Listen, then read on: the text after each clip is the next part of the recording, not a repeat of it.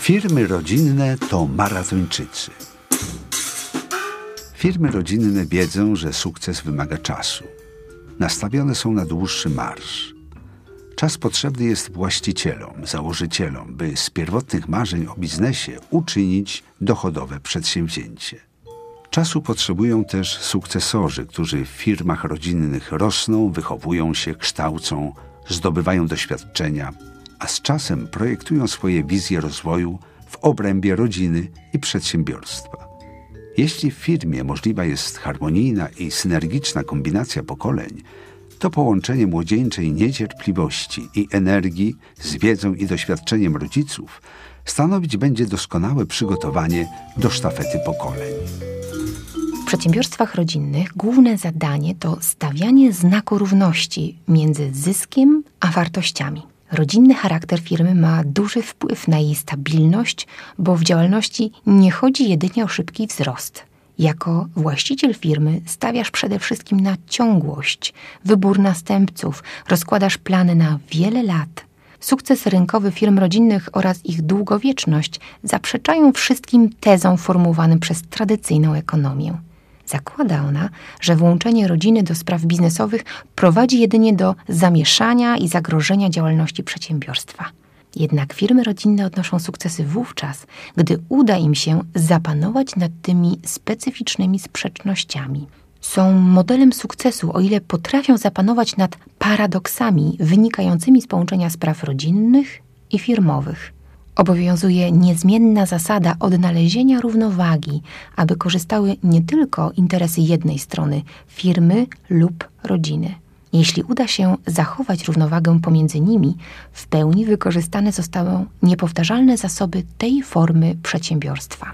Szczególny rodzaj sprzeczności polega na tzw. Tak paradoksie sprawiedliwości. W logice rodzinnej wszyscy członkowie rodzinni powinni być możliwie równo i sprawiedliwie traktowani, nawet gdy każdy wie, że do końca nie jest to możliwe. O ile w rodzinie równość i sprawiedliwość są motywami przewodnimi, o tyle w logice firmy mamy inną sytuację. Tu najważniejsza nie jest równość, lecz kompetencje, osiągnięcia i odpowiedzialność. Jeśli jest sprawiedliwe w myśl logiki rodziny, działasz sercem, że każdy człowiek rodziny otrzymuje swoją pozycję w firmie, to w myśl logiki firmy, tu działasz rozumem, na przykład w trakcie sukcesji następuje selekcja najlepszego kandydata według określonych kryteriów. Chcesz zapewnić tym samym ciągłość funkcjonowania firmy. Uwidacznia się w tym miejscu waga starannego zarządzania paradoksem. Musisz rozpoznać, jakie są napięcia obu tych systemów logicznych, zaakceptować je i znaleźć rozwiązanie, które można pogodzić z rodziną i firmą. Paradoksów nie da się zlikwidować. One istnieją i istnieć będą. Możesz jednak je zneutralizować poprzez ich zrozumienie. Jak to zrobić? To proces poszukiwania indywidualnego sposobu na zneutralizowanie tych paradoksów. Czeka cię odkrywanie tematów tabu, rozwiązywanie konfliktów oraz konfrontowanie firmy i rodziny z jej obawami, pragnieniami, celami.